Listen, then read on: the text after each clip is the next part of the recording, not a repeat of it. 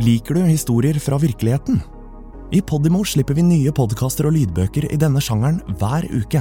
Dokumentarer, personlige historier og true crime. I denne spillelisten kan du høre et utvalg av våre mest populære titler. Podimo. Podkast og lydbøker i én og samme app. Klokka var åtte. Det var en halv time siden septembersola hadde gått ned over Oslo, og det var over leggetid for treåringer. Katrine Bratt sukket og hvisket i telefonen. Får du ikke sove, Gulle? Bestemor synger feil, sa barnestemmen og snufset. Hvor er du? Jeg måtte på jobb, Gulle, men jeg kommer snart hjem. Skal mamma synge litt? Ja. Men da må du lukke øynene. Ja. Blåmann? Ja. Katrine begynte å synge den melankolske visen med lav, dyp stemme. Blåmann,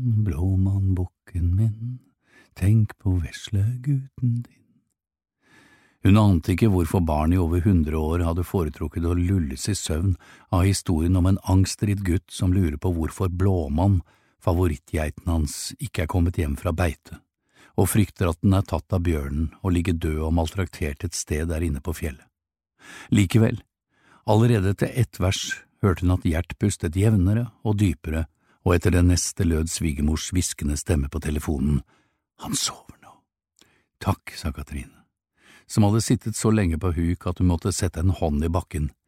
Jeg kommer så fort jeg kan.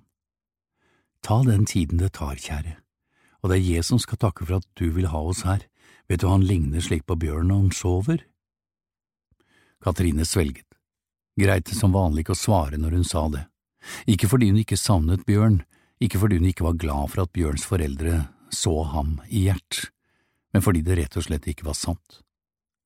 Hun konsentrerte seg om det som lå foran henne. I røff godnattsang, sa Sungmin Larsen som hadde kommet og satt seg på huk ved siden av henne. Kanskje nå du ligger daud?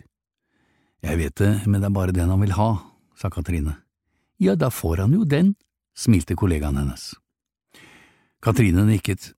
Har du noen gang tenkt over hvordan vi som barn forventer ubetinget kjærlighet fra våre foreldre uten å gi noe tilbake? At vi egentlig var parasitter men at så vokser vi til og ting forandrer seg totalt. Akkurat når tror du det er vi mister troen på at vi kan elskes betingelsesløst bare for å være den vi er? Når mistet hun det, mener du? Ja. Hei! Har du lyst til å høre mer som denne podkasten, men helt reklamefritt? Da vil jeg anbefale deg å laste ned Podimo-appen for en gratis prøveperiode. Ikke bare finner du kvalitetspodkaster innen alle sjangere, men også flere av de mest populære lydbøkene. Alt sammen i Podimo-appen. De så ned på liket av den unge kvinnen som lå på skogbunnen.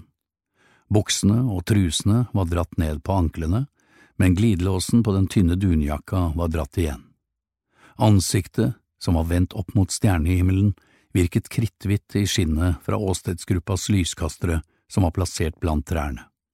Sminken, som så ut som den hadde rent ut og størknet flere ganger, lå i renner. Håret, som var bombet blondt med kjemikalier, klistret seg til den ene siden av ansiktet. Leppene var stoppet ut med silikon, og de falske øyenvippene sto ut som takskjegg over det ene øyet, som var sunket ned i øyehulen og stirret brustent opp og forbi dem, og også over det andre øyet, som ikke var der, bare en tom øyehule. Kanskje var det alle de knapt nedbrytbare kunststoffene som gjorde at liket hadde holdt seg så godt som det tross alt hadde. Jeg går ut fra at det er Susanne Andersen, sa Sung-min. Jeg også, sa Katrine. De to etterforskerne kom fra hver sin avdeling, hun fra voldsavsnittet ved Oslo politidistrikt og han fra Kripos. Susanne Andersen, 26 år, hadde vært savnet i 17 dager og var sist observert på et overvåkningskamera på Skullerud T-banestasjon rundt 20 minutters gange fra der de befant seg nå. Det eneste sporet etter den andre savnede kvinnen, Bertine Bertilsen, 27 år, var bilen hennes, som var funnet forlatt på en parkeringsplass på Grefsenkollen, et turområde på en annen kant av byen.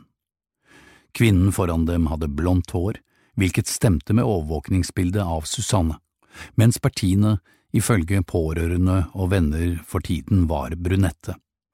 Liket hadde dessuten ingen tatoveringer på den nakne underkroppen, mens Bertine skulle ha en tatovering, en Louis Vuitton-logo, på ankelen.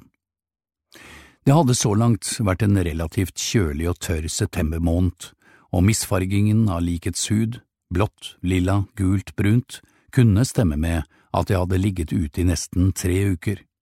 Det samme gjaldt lukten, som skyldtes kroppens produksjon av gass, som etter hvert lekket ut av alle kroppsåpninger.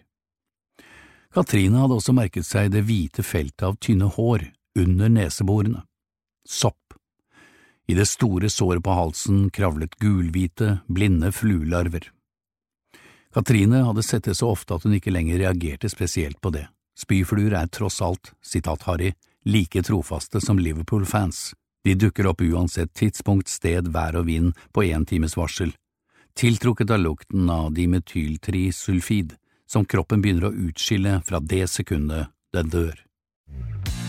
Likte du denne episoden? Så del den, da vel!